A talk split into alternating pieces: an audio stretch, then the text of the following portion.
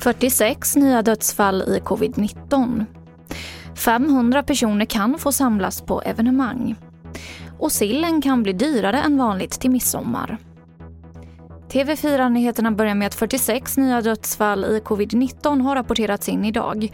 Och totalt har nu 14 048 personer avlidit av sjukdomen i Sverige. Detta enligt Folkhälsomyndighetens senaste siffror. Regeringen föreslår att 500 personer ska få samlas utomhus från 17 maj om smittoläget tillåter. Vi hör vår vetenskapsreporter Susanna Balczewski som kommenterar förslaget.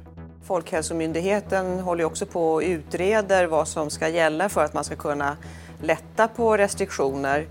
Och eh, vi är ju inte i ett läge med eh, en nedåtgående smitta än och det kommer att ta längre tid, tror jag, än till 17 maj. Eh, så det, det, är lite att man kastas mellan två olika scenarier och jag tror att det är lite farligt också att börja prata om, om lättnader och att öppna upp innan man känner att man har kontroll över hur smittan eh, går. Så till Storbritannien där coronasmittan kan vara på väg att ta slut.